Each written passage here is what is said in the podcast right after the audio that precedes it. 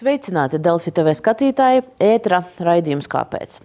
Krīze uz Baltkrievijas robežas turpinās. Lukašenko režīms pēdējā pusgada laikā ir pastiprinājis hibrīdu uzbrukumu, kuru ietvaros mēģina cilvēkus no Baltkrievijas teritorijas pāri robežai iestumt Baltijas valstīs. Tikmēr Latvijā jau pusotru gadu turpinās ārkārtējā situācija, kuru 10. februārī ir jāpagarina kārtējo reizi. Ko tieši darīs valdība un kādus likuma grozījumus tā pieņems? Mēs tūlīt par šo diskutēsim un runāsim arī par to, kas notiek ar cilvēkiem, kuri šobrīd ziemā mežā atrodas uz Latvijas robežas.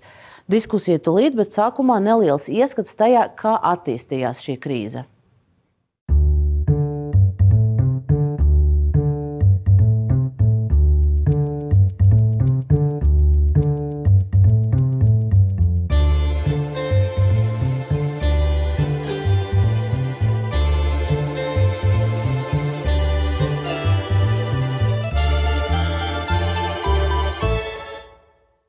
21. gada pavasaris. Baltkrievijas diktators Aleksandrs Lukašenko piespieda Minskā nolaisties Rainera lidmašīnu, lai apcietinātu opozīcijas aktīvistu Romānu Potaseviču. Rietumvalstis atbildēja ar sankcijām. Lukašenko rīcībā ievest cilvēkus, lielākoties no Irākas, un virzīt tos uz Eiropas Savienības robežu.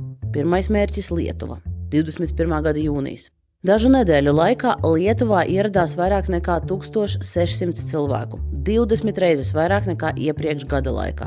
Vēlāk to skaits pieauga līdz vairākiem tūkstošiem. Lielākā daļa no Irākas, daļa no Sīrijas, Afganistānas. Eiropas Savienība šādu rīcību raksturo kā hibrīda kara izvēršanu. Lietuva izsludināja ārkārtas stāvokli, robežu slēdz un paziņoja par plāniem būvēt žogu uz robežas. Lukašenko izvēlējās jaunus mērķus - Latviju un Poliju. 21. gada augusta sākumā dažu dienu laikā Latvijas-Baltkrievijas robežu šķērsoja nepieredzēti daudz cilvēku, vairāk nekā 300. Uz Latvijas robežas ar Baltkrieviju sāk uzstādīt pagaidu žogu un izsludina ārkārtējo situāciju. Tā ļauj nepieņemt patvēruma pieteikumus un atraidīt cilvēkus atpakaļ, taču Baltkrievijas robežsargi viņus atkal dzen Latvijas robežas virzienā. Atraidīšanas stratēģiju kritizēja gan Latvijas cilvēktiesību aizstāve, gan Eiropas Savienība un apvienoto nāciju organizācija. Latvija apņēmas līdz 24. gada pavasarim izbūvēt žogu uz Baltkrievijas robežas 173 km garumā. Šobrīd pastāvīgais žogs stiepjas 30 km garumā, bet vēl nepilnu 60 km garumā uzstādīts pagaidu žogs. Pērn oktobrī Amnesty International publicēja paziņojumu, kurā pausts, ka Latvijas varas iestādes atgrūžot cilvēkus pieļāvušas vardarbību, cilvēktiesību pārkāpumus un realizējušas spīdzināšanu. Latvija šīs ziņas noraidījusi.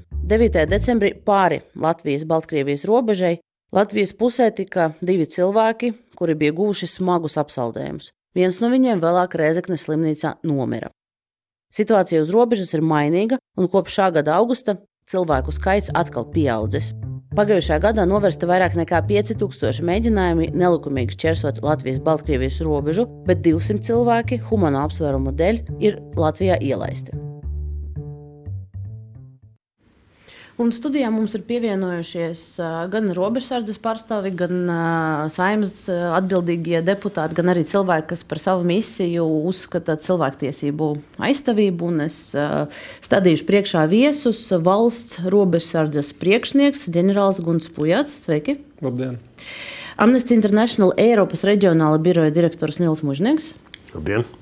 Jānis Dombrava no divām uzreiz saimnes komisijām, Nacionālas drošības komisijas priekšsēdētājs un arī aizsardzības iekšlietu un korupcijas novēršanas komisijas loceklis. Labdien. Un biedrības grib palīdzēt bēgļiem pārstāvi Ieva Raubiško. Sveiki. Sveiki.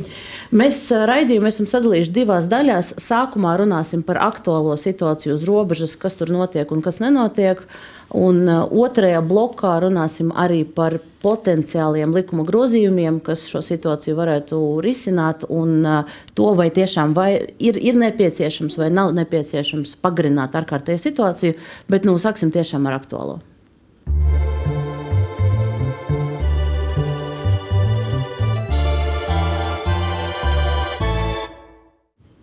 Vēl, vēl pirms mēs sākam diskusiju, es uh, gribēju pateikt, ka mēs aicinājām uh, uz šo raidījumu iekšlietu ministrijas pārstāvjus, gan pašu ministru, gan parlamentāro sekretāru, gan arī valsts sekretāru, bet visām amatpersonām bija citi, citi pienākumi, un, un viņi atteica dalību šajā diskusijā.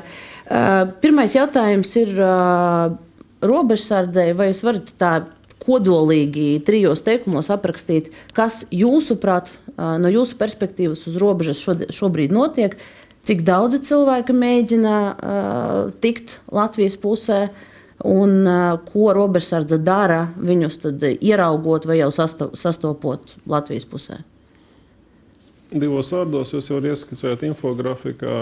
Pārkāpumu skaits, mēģinājumu skaits ir pieaudzis sākot no augusta 300 300 septembrī, 350 oktobris, 450 novembris, 1167. Manuprāt, decembris. Protams, tā līnija aizgāja diezgan strauji un faktiski Latvijā tika izvirzīta kā priekšplānā nu, no Baltkrievijas režīma šo hibrīdu operāciju veikšanā. Līdzīgi mēs novērojam arī pagājušajā gadā, kad tieši decembrī pastiprināti pēc robežsardzes atjaunošanas gada dienas būtiski pieauga pārkāpumu skaits.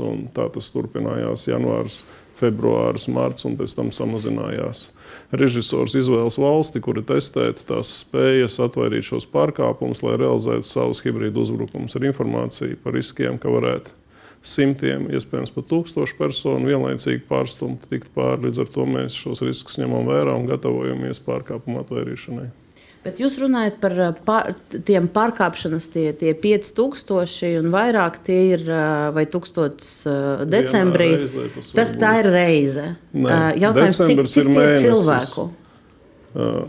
Mēs neuzskaitām, nereģistrējam katru cilvēku. Mēs uzskaitām mēģinājumu reizes, un cik reizes ir nākušas personas, netiek reģistrēts. Tas, tas, tas gan nonāk pretrunā ar, ar iepriekš secināto, ja nemaldos, arī Amnesty International ziņojumā. Tiesības sargs bija minējis, ka uzskaitīšana notiek un tiek uzturēta saraksti, ja nemaldos. Varbūt. Tādas bija liecības no vairākiem cilvēkiem, īpaši tiem, kas tika turēti teltīs pie robežas, kad viņi tika nofotografēti, viņu informācija tika fiksēta Vai tas notiek sistemātiski un ar visiem, tas nav zināms, bet tas, ka tas notiek ar daļu no cilvēkiem, kas, kas šķērsoja robežu, tas ir, ir diezgan drošs liecības un diezgan daudzas. Personas dati tiek fiksēti, apstrādāti tad, ja personas tiek aizturētas, proti, uzņemtas valstī imigrācijas likuma vai patvērumu likuma kārtībā. Tad viņi tiek reģistrēti. Zinām, fiksācija bija, lai izsniegtu ēdienu, ko nodrošināja nu, skaitu un parakstīties uz atskaites mehānismiem. Saskaņā ar ministra kabineta noteikumiem mēs arī nodrošinām ar pārtiku.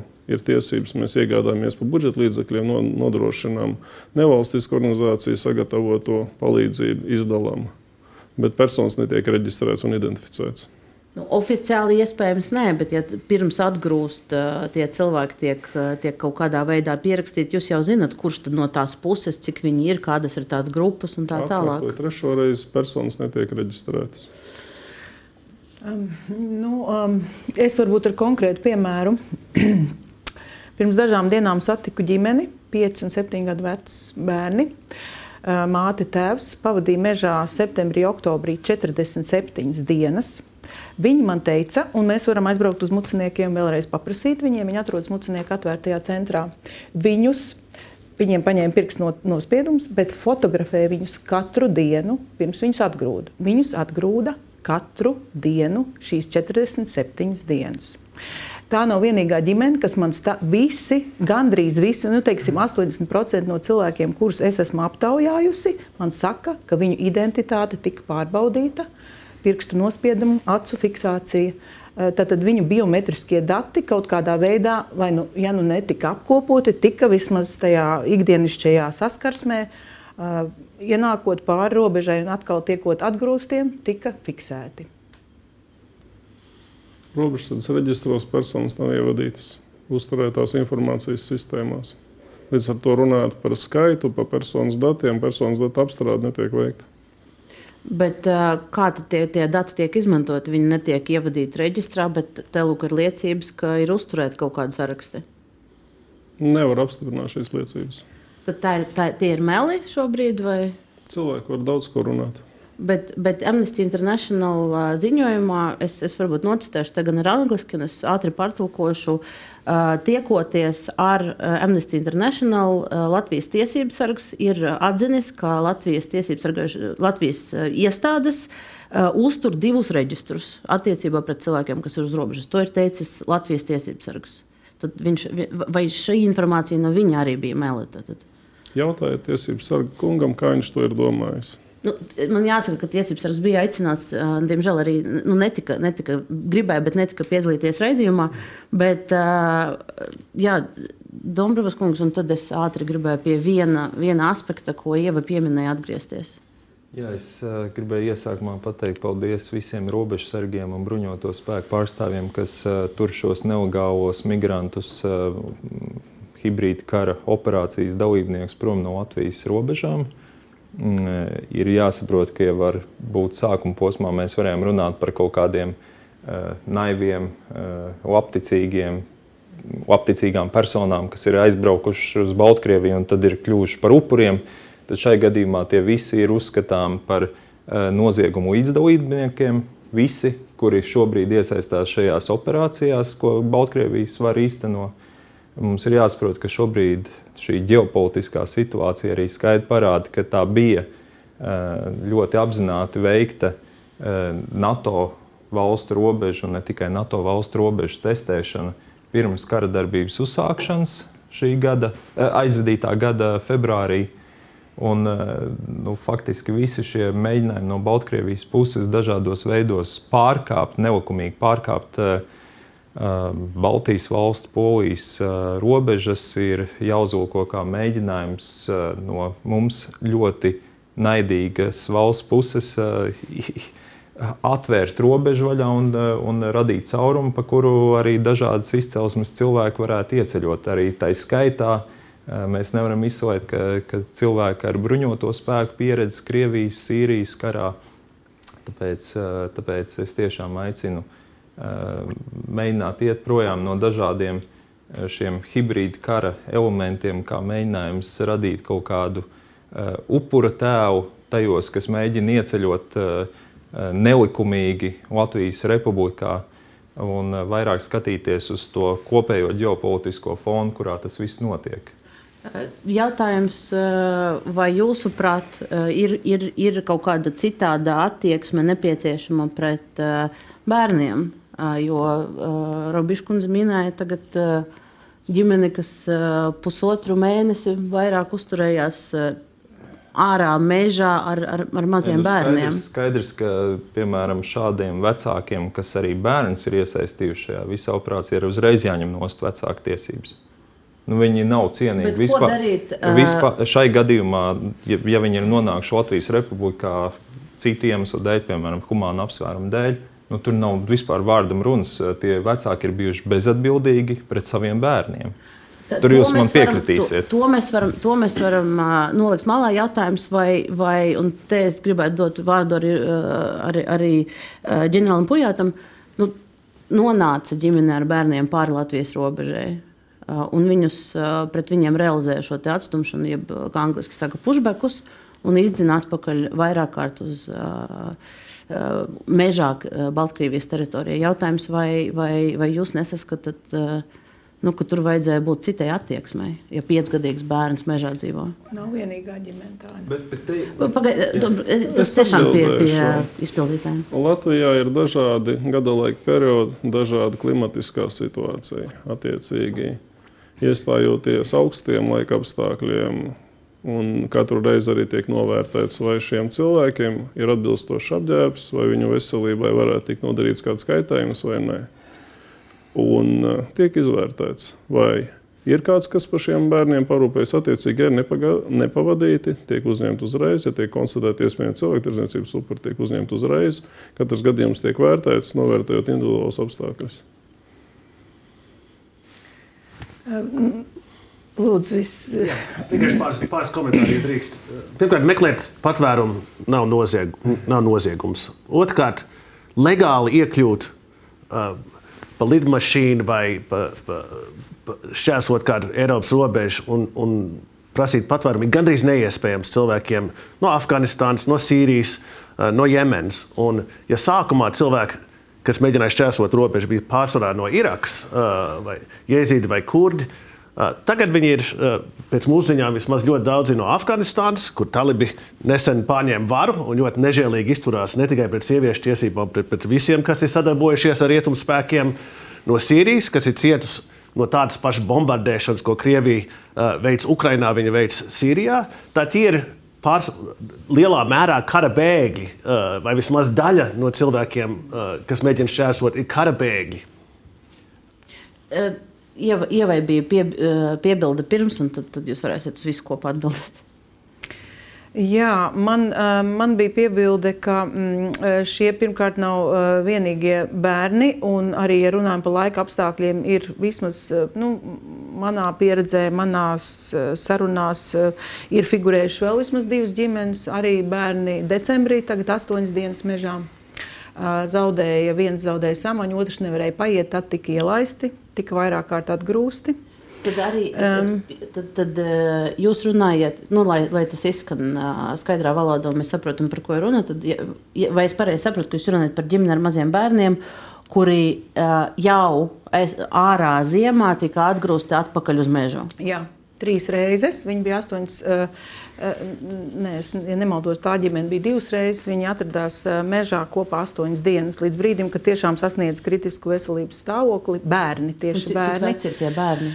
10 un 15 gadi. Un tas vecākais vēl joprojām um, mm, tiešām, nu, murgo par to, kas notika mežā. Un, un, nu, jā, ir diezgan uh, traumēti šie mazie cilvēki.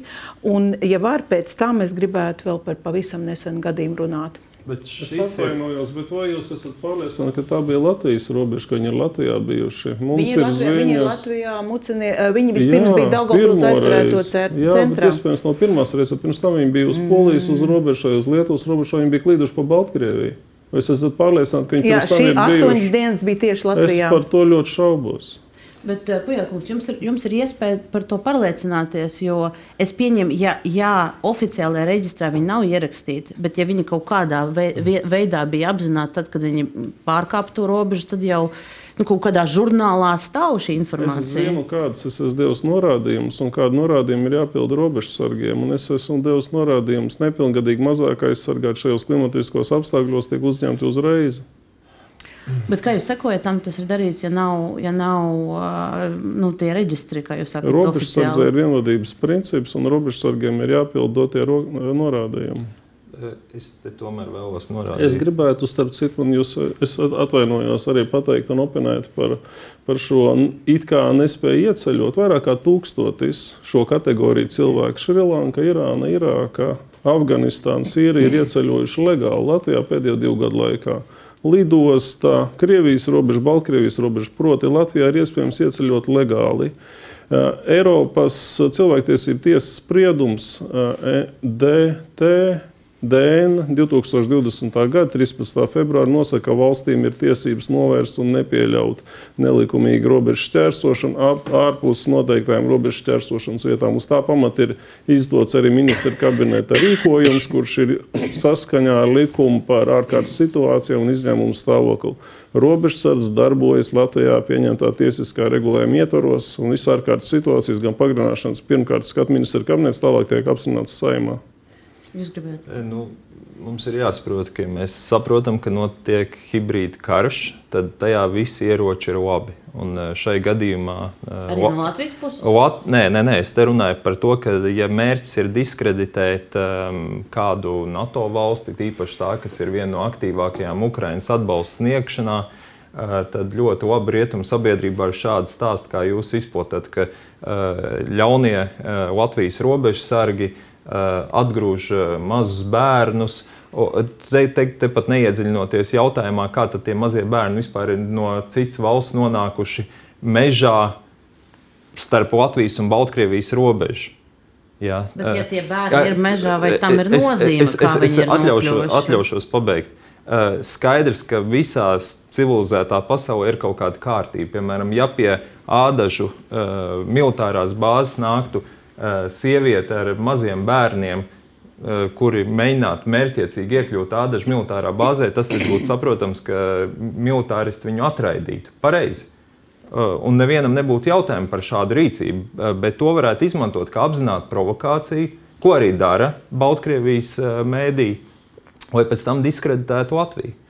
Un, es pie, uzskatu, ka nu, ar šādiem vēstījumiem jūs piedoties vienkārši Baltkrievijas īstenotajā hibrīda šajā kara operācijā, varbūt ne aiz ļauna nolūka, bet nu, jūs viņiem palīdzat šādas vēstījumus izplatot, mēģinot radīt sajūtu, ka kaut kas notiek nepareizi. Ikvienam ārvalstniekam ir iespēja šķērsot šos oficiālos robežu šķērsošanas punktus, ja viņiem ir ir atbilstoši dokumenti sakārtot. Ja viņi vēlās pieprasīt patvērumu, viņiem ir iespējas tādas. Kāpēc viņiem ir jākoņo uh, pa mežiem, kāpēc viņiem jāmaksā kontrabandistiem vairāk tūkstoši? Tie ir tie jautājumi, kurus uh, primāri vajadzētu uzdot. Uh, nevis uh, mēģināt uh, nu, radīt emocionāli sakāpinātu nu, to fonu. Tas tiešām nāk par labu tikai mūsu ienaidniekiem šajā visā kara darbībā, kas notiek šobrīd mūsu reģionā. Ja drīkst, mēs, mēs neesam nekādi noderīgi idioti ne Krievijai, ne Baltkrievijai. Nu. Mēs esam ļoti asi kritizējuši gan Krieviju, gan Baltkrieviju. Pirmais ziņojums par šo lietu, Ukraina ko mēs arī, rakstījām, Ukraina arī jūs kritizējāt. Jā. Pirmais ziņojums par šo lietu pie robežas, ko mēs rakstījām, bija tieši par Baltkrievijas nežēlīgo rīcību. Tā mēs, esam, mēs ļoti apzināmies, cik nežēlīgi un ciniski Baltkrievija apietas ar šiem cilvēkiem, bet tas neataisno mūsu pašu Uh, saistību ignorēšana uh, vai, vai, vai pārkāpums. Tas ir viens. Otrs, jūs runājat par to, ka ir iespēja legāli šķērsot uh, Latvijas robežu un prasīt patvērumu. Cik cilvēki Latvijas robežas šķērsošanas punktos no Afganistānas, Sīrijas, Jemenas ir pieprasījuši patvērumu un to dabūjuši Latvijas oficiālos robežu šķērsošanas punktos pie Baltkrievijas robežas? Es mācījos geogrāfiju. Vai Latvija robežojas ar Irāku, Afganistānu un ne, citām valstīm? Eh, vai Latvija robežojas ar šīm valstīm? Bet... Viņiem blakus atrodas drošās valstis, piemēram, Indija. Baltkrievija ir droša valsts? Eh, nē, nē, es runāju šobrīd par Afganistānas pilsoņu. Viņi var uzmēģināt uz Indiju izceļot, uz Pakistānu. Kāpēc ja tas būtu tas kriterijs, tad neviens nekad uz Eiropu nevarētu prasīt patvērumu. Nē, piemēram, šai gadījumā, protams, ja tie būtu Baltkrievijas pilsoņi, kuri nāktu pāri robežai, nu, tā ir kaut kāda pilnīgi cita situācija. Baltkrievijas pilsoņi, kuri teiksim, tiek vajāti Baltkrievijā, Tur es arī neredzu um, pat pamatu viņus uh, atraidīt, ja tur ir, nu, tur ir jāizskata patvērumu pieprasījums. Nu, šeit ir ārkārtēja situācija, ja viņi šķērsotu robežu neatļautā vietā, tāpat neļautu ne, pieņemt patvērumu. Ne. Še, mēs nerunāsim par teoriju, mēs runāsim par realitāti. Ir virkni Baltkrievijas pilsoņi, kuri ir atnākuši pa zaļo robežu un kuriem ir nodrošināta piekļuva patvērumu procedūrai. Tas, ko es jums saku, mēs ievērojam neizraidīšanas principu. Un, un Eiropas arī šo patvērumu meklētāju direktīvas nosaka ka ja persona tieši ierodās no skartās teritorijas, un kur viņi nevar atgriezties tur, kur viņi tieši varētu būt apdraudēti, irākiešiem, irāņiem, Baltkrieviem nekas nedraud. Baltkrievi ir pievienojusies visām cilvēktiesības konvencijām, viņiem tās ir jāievēro. Puļātkungs, jūs es, man, man tiešām šobrīd, es zinu, ka Ieva jau sen grib tikt pie vārda, bet mēs tiešām nopietni uztveram Baltkrievijas pievienošanos cilvēktiesību konvencijām.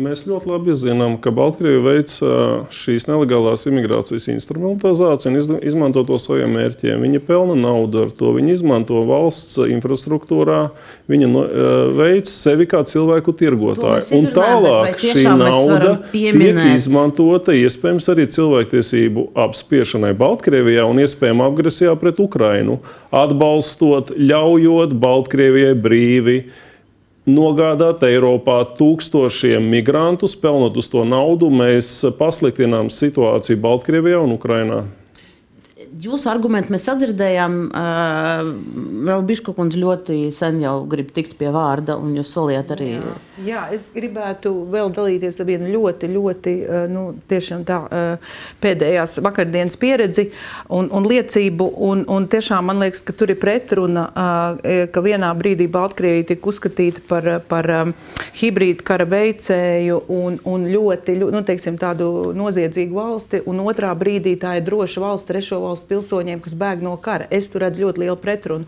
Es padalīšos ar vēl vienu ļoti konkrētu piemēru. Es, es iesūtīju arī raidījumam manis pašas uzņemtu video vakar. pie robežas, balstoties uz Eiropas cilvēku tiesību tiesas pagaidu noregulējumu rīkojumu, kura datums bija 11. janvāris, mēs satikām Latvijas teritorijā piecu sīriešu grupu, kas decembrī 10 līdz 12 reizes bija atgrūsti no Latvijas robežas. Šie cilvēki bija ļoti kritiskā stāvoklī. No sākuma šis noregulējums attiecas uz septiņiem cilvēkiem. Divi no tiem pazuda Baltkrievijā, viens no tiem bija 17 gadīgs Pujātkungs, tātad nepilngadīgs cilvēks. Nezinām, kur viņi ir.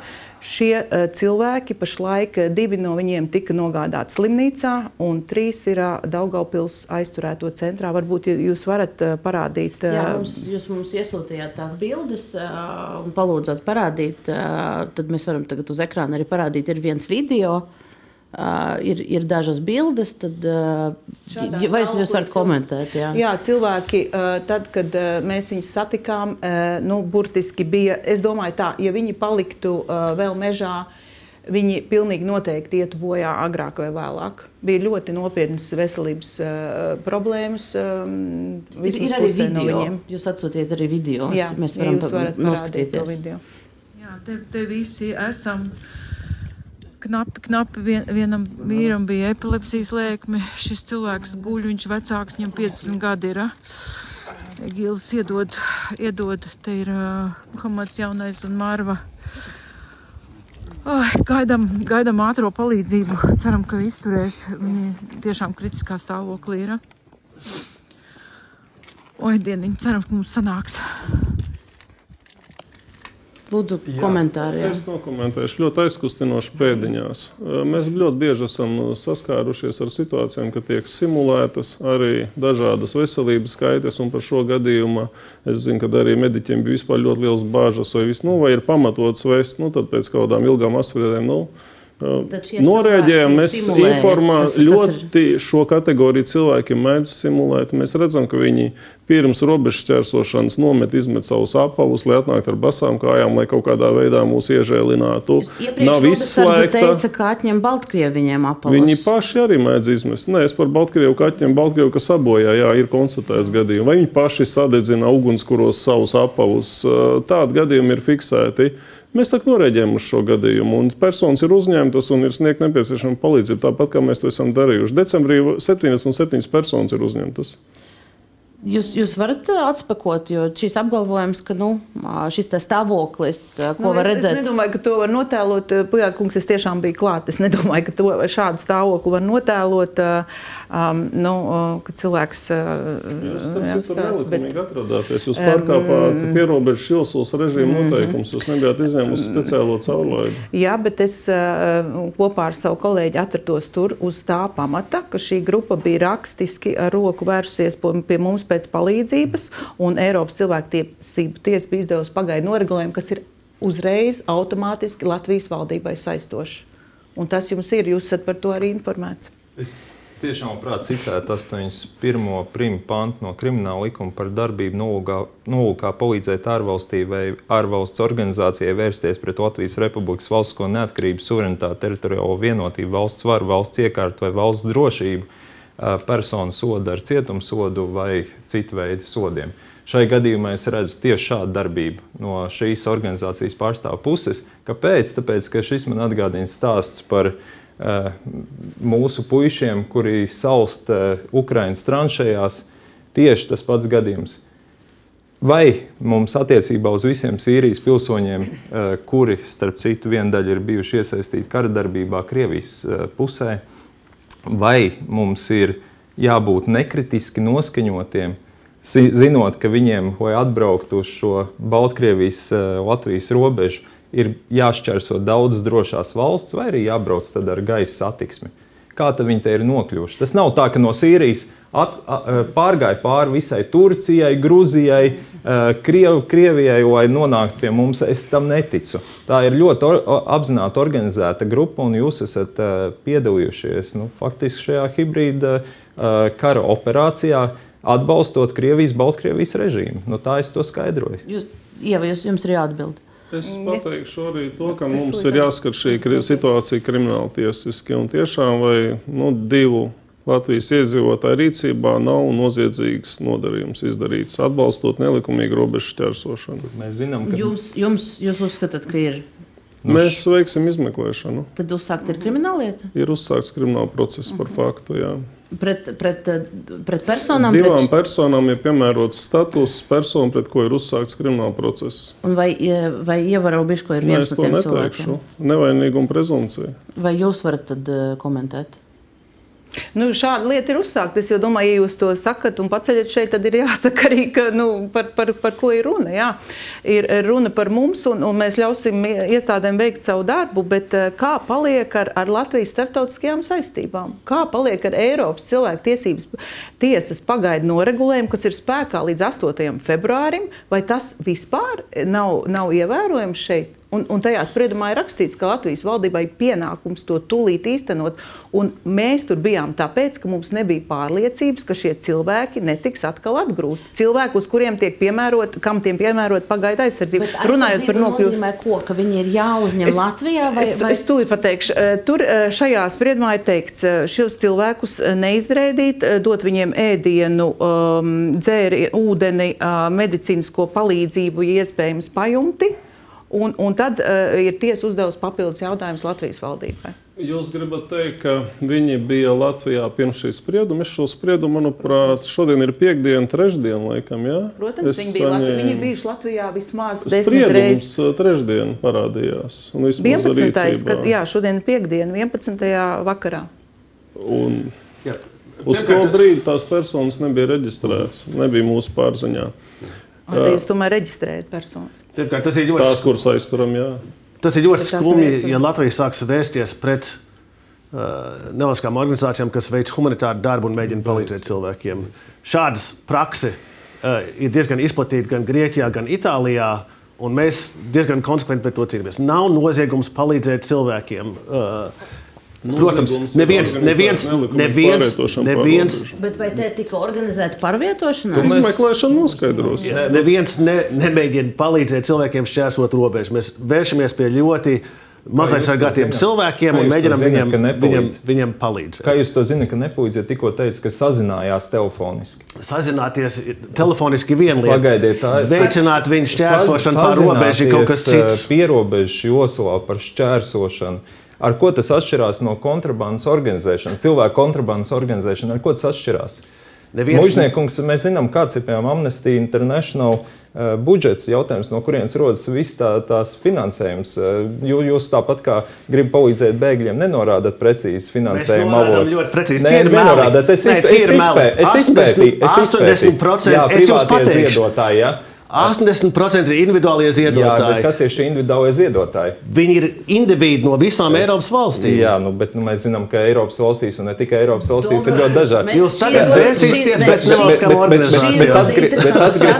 Atgriežoties atpakaļ tieši pie šī, šī jautājuma, skaidrs, ka palīdzība ārvalstī. Organizēta palīdzība ārvalstī. Tas ir eh, tiešām krimināla tiesiska uzlūkojums. Mēs zinām, ka Baltkrievijas varas iestādes organizē šo uh, nelegālās migrācijas uh, plūsmu, principā cilvēku tirdzniecību, cilvēku kontrabandu. Un, nu, te neatkarīgi, ka tā ir nevalstiskā organizācija, SIA vai organizētā noziedzības grupa Latvijas pusē, tā ir jāuzlūko kā palīdzība ārvalstī, uh, piedaloties Bet noziegumā. atgriežoties, atgriežoties pie tiem konkrētiem cilvēkiem, uh, Bujot kungs, uh, nu, jūs izteicāt, uh, nu, es to sauktu par apgalvojumu, ka šie cilvēki iespējams nu, simulēja, ka viņi īstenībā neatradās sliktā Es stāvoklī. izteicu pieņēmumu Uh, par to, un ar ko mēs jautājums- esam saskārušies un ko mediķi ir konstatējuši vairāk kārtīgi. Un jautājums ir uh, par to cilvēku, kas mežā pie Latvijas ir uh, nosalis un nomiris Latvijas slimnīcā. Un ar, ar viņu klāt ir bijis vēl viens uh, vīrietis, kurš. Uh, Nu, ziņas mēdījos pēdējais bija, ka viņš cīnījās par savu dzīvību reanimācijā. Es nezinu, kas viņam ir. Viņam beigta tika amputācija. Mēs, nodar, mēs uh, mēģinājām viņam sadarbībā ar robežsardzi, par ko bijām arī ļoti pateicīgi, norganizēt viņam um, sarunu ar tulku. Un ar, ar, ar savu draugu vai radnieku, kas varētu šim cilvēkam, kurš tajā brīdī Ziemassvētkos atteicās kategoriski no amputācijas, izskaidrot uh, pietiekami uh, nu, iejūtīgā veidā, ka, ja viņš atteiksies no amputācijas, viņam draud bojājai. Šis cilvēks, viņam amputācija tika veikta abu kāju un, un roku pirkstu, un viņš pēc tam ilgstoši bija komā. Es tagad nepateikšu, tiekšu, kāds ir viņa stāvoklis. E, un vēl es gribētu, vēl viena man ir piebilde par to uh, sazināšanos. Mēs uh, saņemam ļoti daudz ziņu. Pie mums vēršas tiešām, pie mums vēršas gan cilvēku radinieki, gan uh, pārstāvi no Polijas un Lietuvas nevalstiskajām organizācijām. Uh, kuri uh, meklē cilvēkus no Jemenas, no Irānas, no Sīrijas. Šie cilvēki ir izmisumā uh, un meklē savus uh, ģimenes locekļus, savus radiniekus. Mēs šādas ziņas saņemam ļoti daudz. Mēs arī Pujāta kungs apstiprinās, sastādām pazudušo sarakstus un dalāmies ar tiem ar robežsardzi. Tā, tā, un arī tā ir skaitā ar tiesību sargu. Mēs šos uh, sarakstus mēs iesaistāmies arī cilvēku meklēšanā. Tā ir. Par sarakstiem un, un, un to un cilvēku meklēšanu noteikti mēs parunāsim, bet tas, ko es gribēju salāgot šos divus gadījumus. Viens šīs grib palīdzēt bēgļiem organizācijas vakar uzņemtās bildes un video. Un jūsu skaidrojums, pieļāvums, ka cilvēki tēlo, ka, viņi ir, ka viņiem ir kritisks veselības stāvoklis. Un tad šīs otras gadījums decembrī, kur cilvēki nomiruši uz robežas. Viens cilvēks ir nomiris, un otrs ir piedzīvojis nu, ļoti nopietnas veselības problēmas un invaliditāti. Uh, nu, tad, tad tie divi kaut kā īsti savā starpā nesavienojas. Jo, jo vai jūs veicat kaut kādu izmeklēšanu attiecībā pret to uh, nosalušo kungu, vai, vai, vai viņš ticis atgrūsts pirms tam no Latvijas puses? Un tad uh, Jūs atkal redzējāt, atkal? kā viņi nokļuva Latvijā. Jūs es, redzējāt, ka viņus atnesa no Baltkrievijas un caur iepriekš izdarīt bojājumu žogā iestūma Latvijā divus. Un kā jūs skaidrojat to, to, to Mēs veidu? to uzfilmējām, bija redzams. Jā, Šeit bija... bija skaidri redzams, ka nav neviens eh, fiksējums, ka mēs kaut kā tuvu līdzīgi rīkoties. Gluži otrādi šī situācija ir salāgojums tā, ka mēs nekavējoties saucām mediķus ar sniega motocikliem, vedām tos cilvēkus ārā, lai var piebraukt, jo tur bija ļoti liels attālums, jo iespējams, ka speciāli tika izraudzīta vieta, kur nevar piebraukt ērti. Bet Un mēs darījām iepriekš? visu, lai šos cilvēkus cilvēkus glābt. Vai iepriekš cilvēki nav reģistrēti. Bet nu, jūs, jūs, jūs pēc būtības eh, caur, caur puķiem atzināt, ka neformāla pierakstīšana notiek brīdī, kad cilvēki tiek atgrūsti. Caur kādām nu, puķiem? Es jums saku, ka mēs nereģistrējam. Robežsardas reģistros viņu nav. Tad jūs, jūs nezināt, jūs nevarat to noskaidrot. Ne, ne, mēs nefiksējam, vai... mēs nefiksējam. Ir mēģinājums, mēs rīkojamies saskaņā ar regulējumu. Ministra kabineta noteikums nosaka rīcību. Mēs sekojam šai rīcībai. Bet katru reizi novērtējam, vai cilvēku veselībai ir draudi, vai ir neizraidīšanas apstākļi. Varbūt viņi tiek tiešām vajāti no Baltkrievijas režīma, un tādos gadījumos mēs viņus uzņemam. Kā uz robežas? Uzreiz. To, bet uz robežas uh, aprunājoties ar viņiem, var tā noskaidrot, vai viņi tiek vajāti? Jā, sākotnēji intervija. Dombrovs kungs, jums ir drīz jāiet, tāpēc es jums došu vārdu. Es, es protams, cilvēciski arī saprotu, ka tā ir traģēdija tīpaši ģimenēm, kuriem kāds ģimenes loceklis iet bojā vai, vai tiek traumēts tajos visos notikumos, bet ir jāsaprot, ka uz mūsu robežām notiek hibrīda karš. Viņi visi pārsvarā ir brīvprātīgi pieteikušies būt dalībnieki šajā hibrīda karā pret uh, Latvijas valstu, Lietuvu, Poliju, arī savulaik pret Ukrajinu. Viņi ir dalībnieki hibrīda karā. Un, uh, šai gadījumā mums arī jāsaprot, ka Baltkrievijas varas iestādes ļoti apzināti mēģina īstenot Latvijas diskreditācijas kampaņas. Te nav runa par klasisku situāciju ar palīdzību bēgļiem, uh, Eh, Latvija ir parādījusi, ka ir viena no valstīm, tāpat kā Polija, kura visvairāk palīdz bēgļiem eh, no Ukrainas. Mēs sniedzam atbalstu, un eh, to arī turpināsim darīt. Bet tajā situācijā, ka tie ir apzināti organizēti hibrīda kara dalībnieki, nelegāli migranti, kuri mēģina nelikumīgi šķērsot mūsu valsts robežu, tajā situācijā mēs nevaram pieļaut, ka mūsu valsts drošība tiek apdraudēta. Uh, Eh, ka mēs nepildām paši savus eh, saistības par robežu sargāšanu, par Eiropas Savienības un NATO ārējo robežu sargāšanu. Nu, tas būtu absurds, ja mēs atvērtu vaļā šos vārtus un eh, ļautu NATO teritorijā iekļūt personām no mums naidīgas valsts. Ar, uz, uz, uz šīs runas mums no, no, no Dombrovas kunga jāatvadās, jo jums ir jāiet ir kaut kāda nāk, nākamā, nākamā tikšanās var pasākums. Paldies par piedalīšanos kaut arī neilgu šajā raidījumā, bet mēs turpināsim. Un tas, ko es gribēju pajautāt jums, jo šis tiešām ir arguments, kas izskan diezgan bieži jau pusotru gadu ir šis ārkārtējā situācija. Un pusotru gadu visos pasaules medijos mēs dzirdam, ka Latvija nelaiž uh, pāri šai zaļajai robežai uh, cilvēkus no Baltkrievijas. Jautājums, kā tas ir, ka nu, viņi joprojām turpina braukt, uh, jo teorētiski tā informācija ir jābūt pieejamai. Ne, nu, pirmkārt, runāsim par ārkārtas stāvokli. Ārkārtas stāvoklis ir domāts situācijās, kad ir eksistenciāli draudi valstī. Uh, šeit nekāda eksistenciāla draudi valstī nav. Uh, pāris simts cilvēku, kas mēģina atkal un atkal uh, šķērsot robežu un netiek pāri, nav eksistenciāls draudz valstī. Ja tas tā būtu, tad ļoti daudzām Eiropas Savienības dalību valstīm būtu ārkārtas stāvoklis uz mūžīgiem laikiem nemitīgi. Tā tas ir nepamatot. Un tas ir pirmkārt, tas ir uh, likuma varas graušana.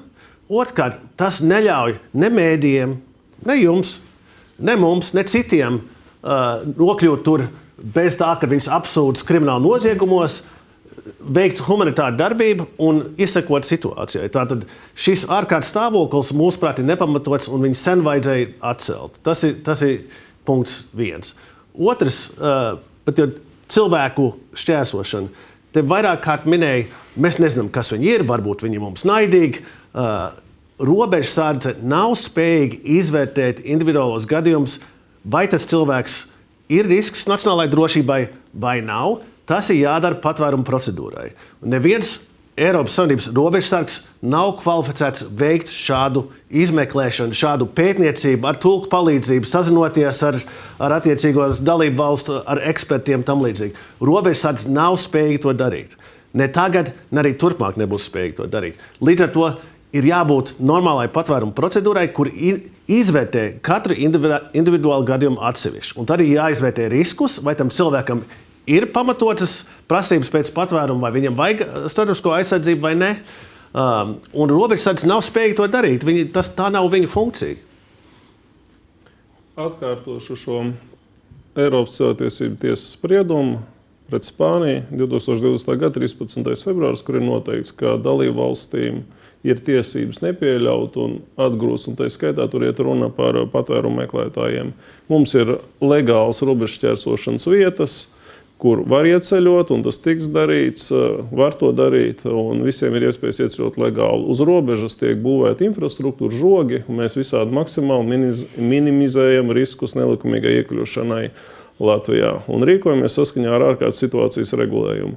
Eh, neviena tiesa mūsu šo rīcību nav atzinusi par pretiesisku, līdz ar to turpināsim rīkoties atbilstoši regulējumam, kādu pieņems Latvijas likumdevējs. Es gribēju papildināt arī par šiem šķietami slimajiem pēc nogādāšanas slimnīcā. Viņi faktiski uzreiz ir atbrīvoti un ievietot aizturēšanas uh, vietā. Līdz ar to viņu veselība absolūti nebija nekādās briesmās un nebija nepieciešama viņa paturēšana stacionārā. Uh. Atgriežoties, nu, pirmkārt, vai es gribētu kaut kādā veidā oponēt, un, ja nē, tad, tad es gribu jau atgriezties pie tā sakotnējā jautājuma. Jūs runājāt ar cilvēkiem, cik saprotu, muciniekos. Vai viņi skaidro, kāpēc pie šīm visām ziņām, ka Latvijā nevar tikt, kāpēc viņi joprojām nonāk, nonāk uz robežas? Nu, šis ir atbildāms Tas, jautājums. Nu, es, nu, šis man nav viegli atbildams jautājums, jo man nav pilnīgi pārskata. Ja? Man, ir, man ir epizodes, man ir diezgan daudz epizodu, bet es nevaru no tā izsacināt, teiksim, kāpēc tas process tādā veidā turpinās. Bet es gribu gan, man ir būtisks piebildes par to, ka sagaidīt no cilvēkiem, ka viņi spēs vienmēr aizbraukt uz robežu punktu, kas starp citu līdz aprīlim pagājušā gada nemaz nebija iespējams. Ar ārkārtas situācijas teritorijā, robežu šķērsošanas punktos patvērumam nemaz nevarēja pieteikties. Tā kā de facto tajā teritorijā patvēruma procedūra, patvēruma tiesības bija apturētas. Tagad tās ir atkal iespējamas, bet, ja cilvēks nāk pa zaļo robežu un tiek uzreiz atgrūsts, un pie tam ir kolektīva aizraidīšana pastāv, jo grupas tiek atgrūstas ļoti daudz un regulāri, tad kā lai viņš tiek līdz tam robežu punktam? Bet man ir, piemēram, es padalīšos ar epizodi no Irānas daudz cilvēku pašlaik brauc. Irānā mēs zinām, ir ļoti nopietna situācija. Protesti tiek apkaroti. Nu, Jā, faktiski apšaujot cilvēku, šaujot uz cilvēkiem, uz protestētājiem. Es konkrēti interēju gan vienu irāņu ģimeni ar bērniem, gan vienu, vienu pašu ģimenes tēvu, kurš bija at, atbēdzis. Viņš, bija, viņš man tieši tā arī teica, es saprotu Latvijas robežsargus, viņi dara savu darbu. Es tiešām šķērsoju nelikumīgi. Viņš saka, bet saprotiet, pa, eh, mani arī es pametu savu valsti nelegālā veidā. Es pametu tāpēc, ka man draud nāves sods. Pie manis pilsētā uh, mājās atnāca, atņēma laptopu, atņēma manus dokumentus. Es sapratu, ka man ir briesmas, tur nevar atgriezties šajā brīdī. Viņš pamet bērnus, māju, labu darbu. Viņš ir šeit.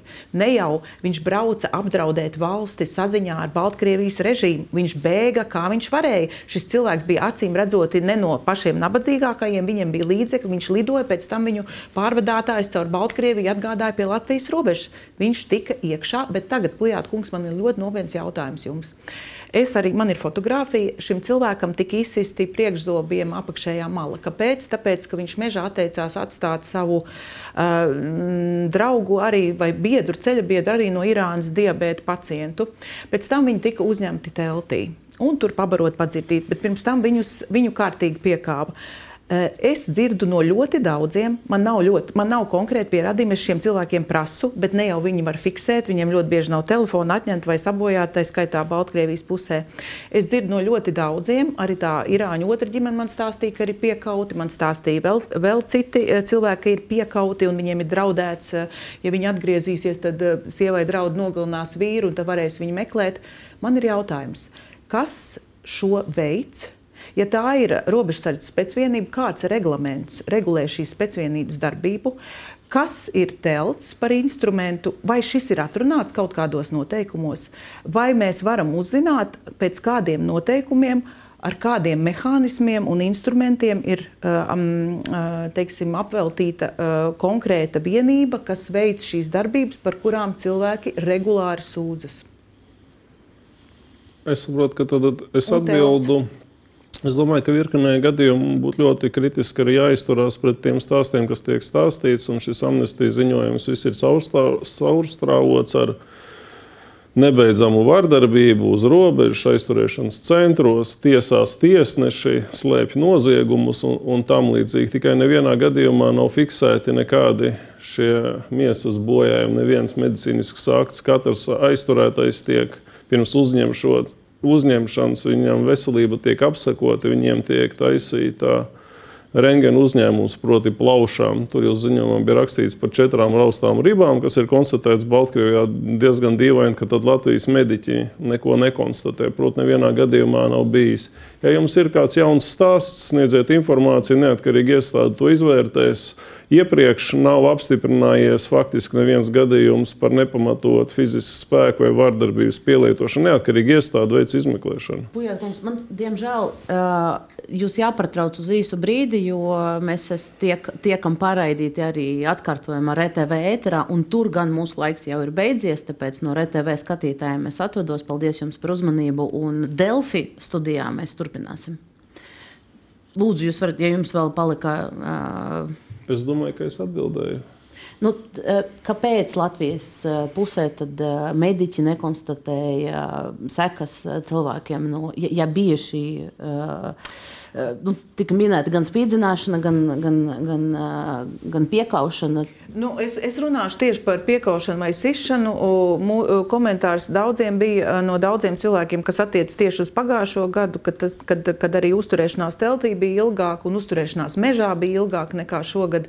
Kad ka pa cilvēkiem staigāja pa mugurām un ka viņus, ka viņus sita ļoti prasmīgā veidā. Bet, protams, es, pierādījumi ir jāvāc, to mēs cenšamies darīt, bet mēs ļoti bieži esam ierobežoti ierobežot, jo tas notiek mežā, prom no mūsu acīm. Mēs tur nesam. Man ir jautājums, vai, vai vienību, karavīru darbību jūs kaut kā fiksējat, vai teiksim, kaut kādas video novērošana, paškontroli pašiem savu? Kā tiek regulēta šo cilvēku darbība, kuru mēs izsakot nevaram?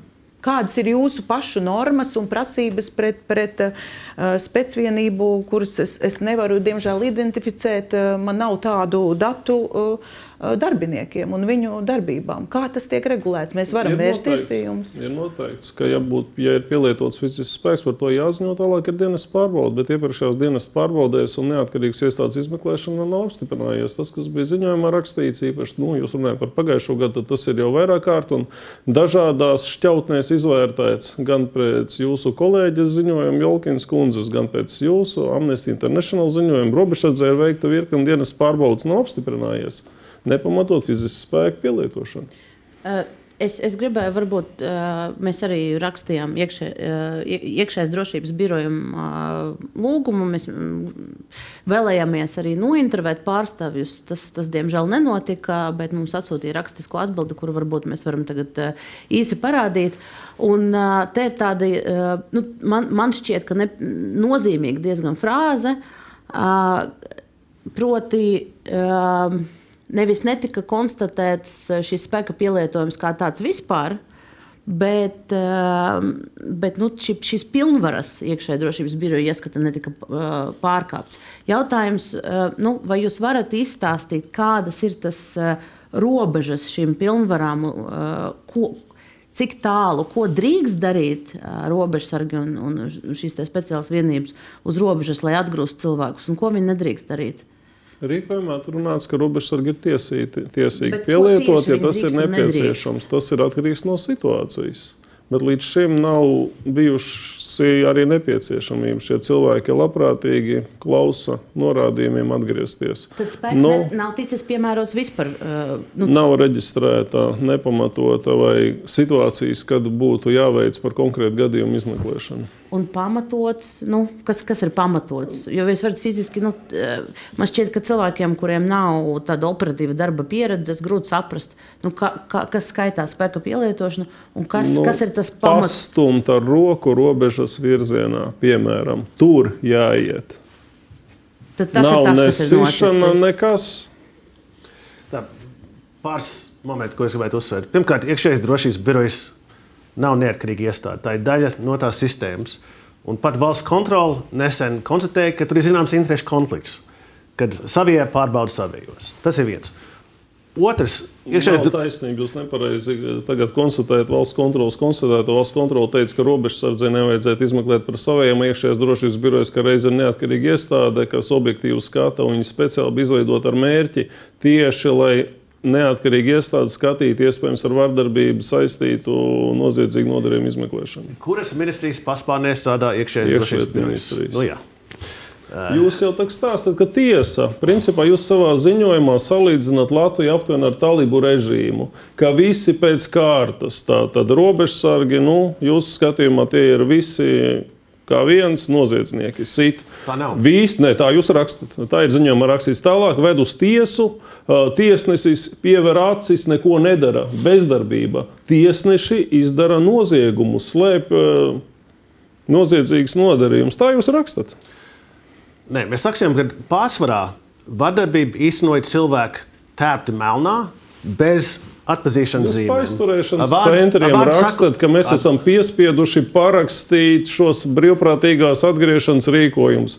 Meža kungu arī pinat iekšā, ka viņš ir līdzdarbojies tajā atgriešanas procesā. Viss šis brīvprātīgās atgriešanas process bija uz brīvprātības pamata, un kas nevēlējās atgriezties, tie palika Latvijā un pieteicās patvērumam.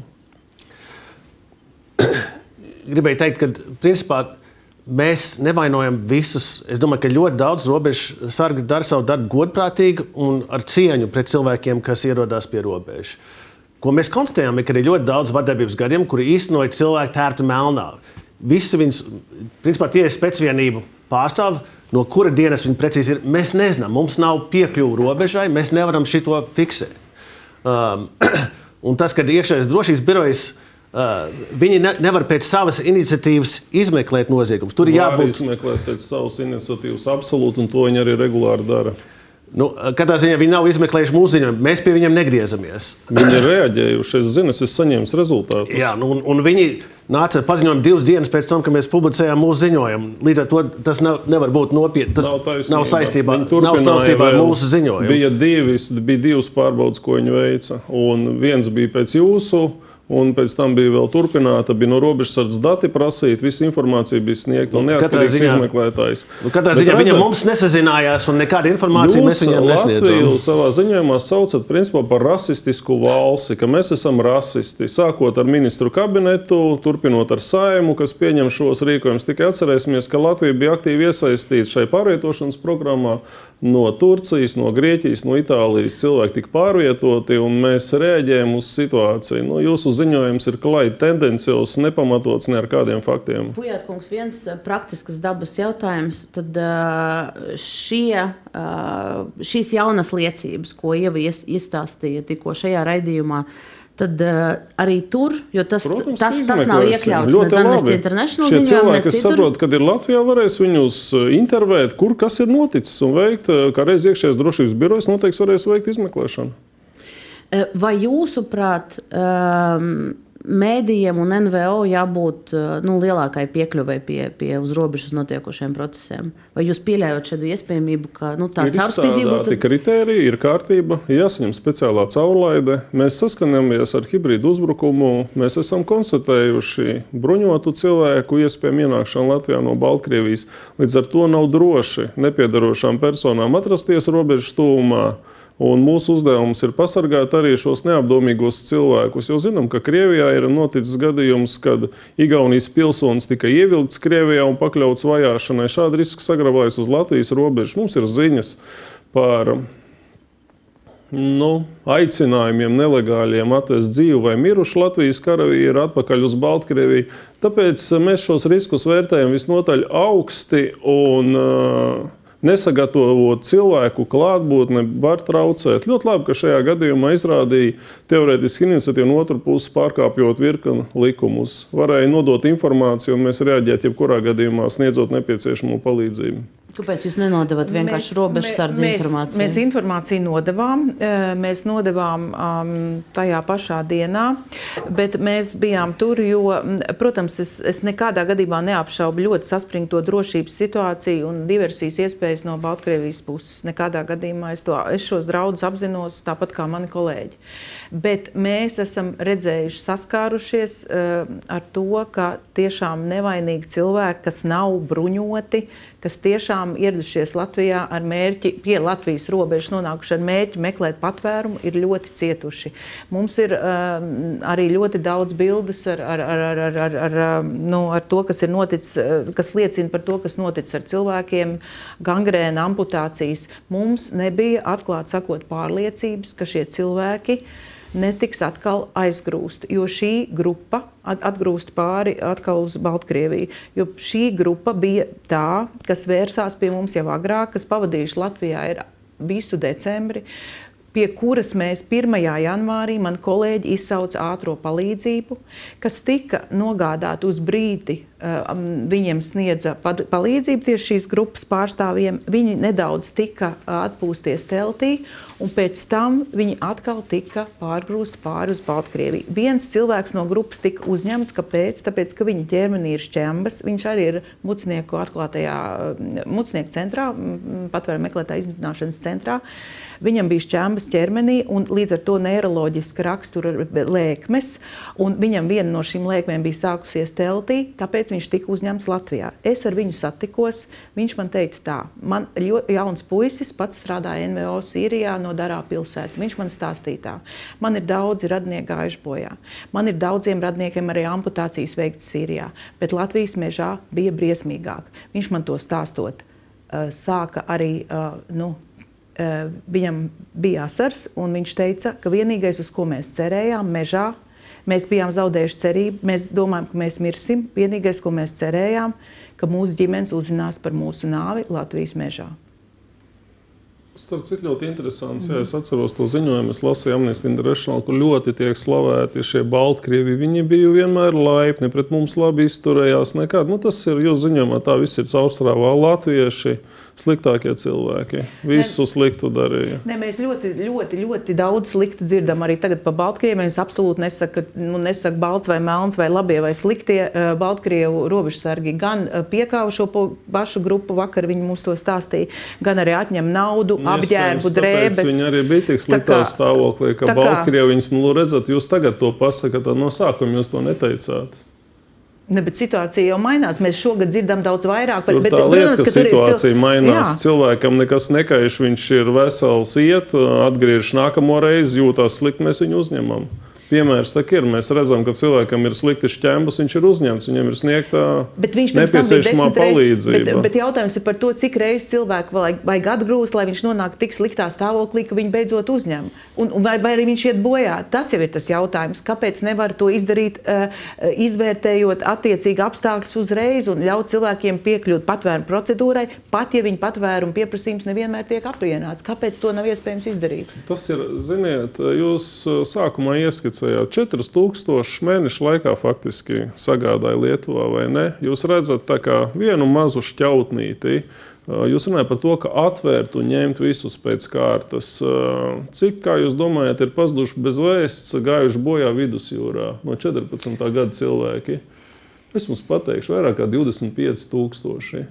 Paverot nekontrolētas šīs migrācijas slūžas, mums uz robežas, diemžēl, mirs simtiem nosals, noslīgs un tā tālāk. Mužnieku. Mēs veicam robežu aizsardzību, neļaujam nelikumīgi ienākt un tiek būvēta infrastruktūra, lai tas nebūtu iejams. Mēs esam atvērti legālai ieceļošanai. Tā ir arī starpība, kur jūs nosodat Latviju, ka mēs sniedzam pārāk lielu palīdzību Ukraiņiem. Ukraiņi iegurodas legāls ar robežu ķersošanas vietām. Viņi nelien pa mežu mums iekšā. Viņi kā polijā neapmētā ar akmeņiem robežsargus, nu ir cita situācija. Mēs neko nepārmetam par Ukraiņas cilvēku uzņemšanu. Latvija bija izcila. Nu, jūs salīdzinājāt, ka šeit Mēs jūs esat labi. Ir, tas ir jaunais. Vispār jūs esat rasisti. Tas ir jaunais. Neuzņemat citus. Kungi, kungi, es, es gribēju sadzirdēt mužnieku kunga atbildi uz, uz, uz Pujāta kunga nu, šo pārmetumu vai, vai pieļāvumu, ka ja salīdzinot ar vidusjūru, ja mēs, ja mēs ielaižam tad, tad būs daudz vairāk to, to bojā gājušo ne, mežā. Nekādi ne nāve.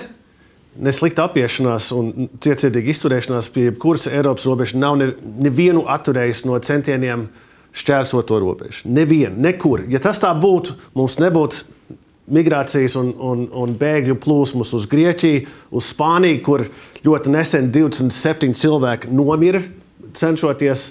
Ja nāve un cietsirdīgi apiešanos atturēt cilvēks, tad, tad vairs nebūtu šis spiediens. Bet tas spiediens ir un viņš būs. Jautājums ir, cik humāni mēs to menedžējam.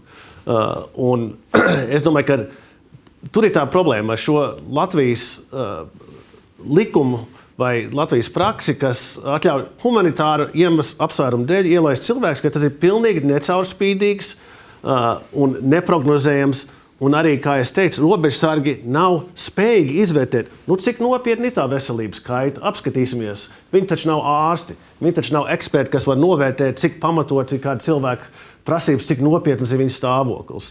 Uh, Vārds sakot, mēs uzskatām, ka šis regulējums arī ir jāmaina, jo tas, tas ir ārpus uh, robežsardzes funkcijas uh, novērtēt, cik nopietna ir humanitārā vajadzība. Un te raidījumam jau, jau tuvojoties noslēgumam, es sākumā teicu, ka mēs runāsim arī par situāciju pēc 10. februāra, kad beigsies ārkārtēja situācija, šis rīkojum, rīkojums termiņš iztecēs, un tad valdībai būs jādomā, ko darīt tālāk.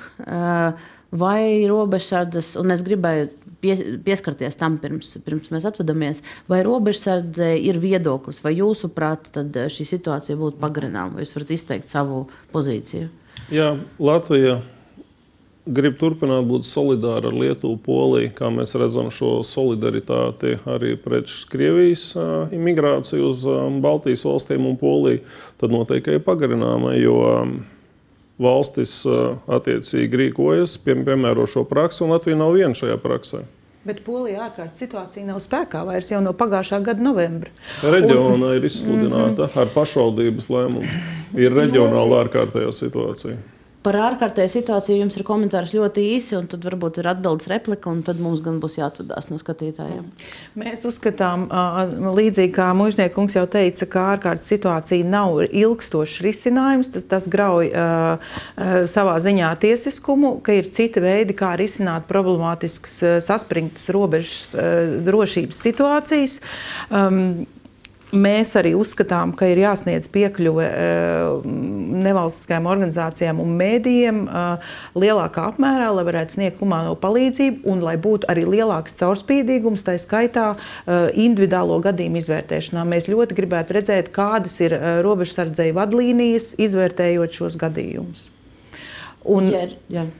Manuprāt, jums tagad ir sūtīts vadlīnijas, kā mēs nosakām šos humanos apstākļus, aizsūtīsim. Robežsardze ir izstrādājusi un nosūtījusi piemērotājiem vadlīnijas, kā identificēt humānus apstākļus. Un vēl es gribētu piebilst, var vienu piebildi, ļoti būtisku. Vien, vien, droši jā, bet sākumā pajautāšu, vai tās vadlīnijas un, un šos te principus jūs varat arī nu, tā publiski atklāt.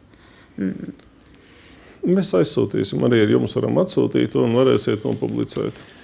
Ļoti būtiski piebildi arī no robežsardzes ierīnas darbiniekiem dzirdēt par to, cik, liela, cik, liela, cik daudz resursu, arī cilvēku resursu tiek tērēts, ka, ka cilvēki ir uz izdegšanas robežas, un arī teiksim, komentārs no malas ārkārtas situācijas īstenošana prasa ļoti lielus resursus. Un arī bieži tas arguments, kas ir minēts, ir, ka ar ārkārtas situācijas palīdzību mēs varam šos resursus piesaistīt un, un regulēt robežu apsardzi un tā tālāk. Bet vai Latvija nav pietiekami stipra valsts, lai izstrādātu tiesisko regulējumu ārpus ārkārtas situācijas? Situācijas, nepadarot ārkārtas situāciju par pastāvīgu režīmu. Nu, līdz, līdz 10. februārim ir iespēja bet, vēl to darīt, un likuma grozījumi top. Top, bet, kā saprotu, paredzēts atkal pagarināt ārkārtas situāciju. Nu, jau ejot uz otru, jau gandrīz divu gadu drīz būs. Jebkurā gadījumā mēs redzēsim, kā, kā, kā attīstīsies šis, šis stāsts, un, un, un mēģināsim arī sekot. Ja jums, Pujatkungs, ir pēdējā kāda replika, Latvija ir parlamentāra gan... valsts, un Latvijas parlaments tad arī lems kādu tiesisko ceļu mēs turpināsim. Īsi jums. Jā, īsi ārkārtas stāvoklis jāceļ, jādod piekļuvi mēdījiem un nevalstiskām organizācijām. Um, un par Ukrajinu un Ukrāņu bēgļu uzņemšanu. Tas ir tas jaunais standarts Eiropā. Tas parāda, uz ko mēs un vispārējā Eiropa ir spējīga uh, uzņemot cilvēkus. Kas būtu jāattiecina arī uz citiem bēgļiem no, no citām izcelsmes valstīm. Paldies par viedokļiem. Es piebildīšu, ka par ārkārtēju situāciju un, un šo jauno regulējumu, kas šobrīd top, mēs ļoti gribējām dzirdēt iekšlietu ministrijas pārstāvi viedokli, bet, diemžēl, amatpersonas augstākas nevarēja piedalīties šajā raidījumā. Noteikti viņi citos formātos komentēs brīdī, kad valdībā šis jautājums tiks, tiks apspriests. Bet paldies viesiem par, par diskusiju un par, par izstāstīto. Es atgādināšu mūsu skatītājiem, ka viņi var partapt arī par klausītājiem un audio versiju šī raidījuma noklausīties Apple un Spotify podkāstu platformās. Ja gadījumā esat palaiduši šo vai citu, citu mūsu raidījumu, paldies! Paldies vēlreiz visiem, paldies skatītājiem. Mēs tiekamies ar jums, skatītāji, pēc nedēļas. Plānots, ka studijā es izvaicāšu Latvijas ārstu biedrības prezidentu Ilzi Aizsilnieci. Sekojiet līdzi un līdz nākamajai nedēļai.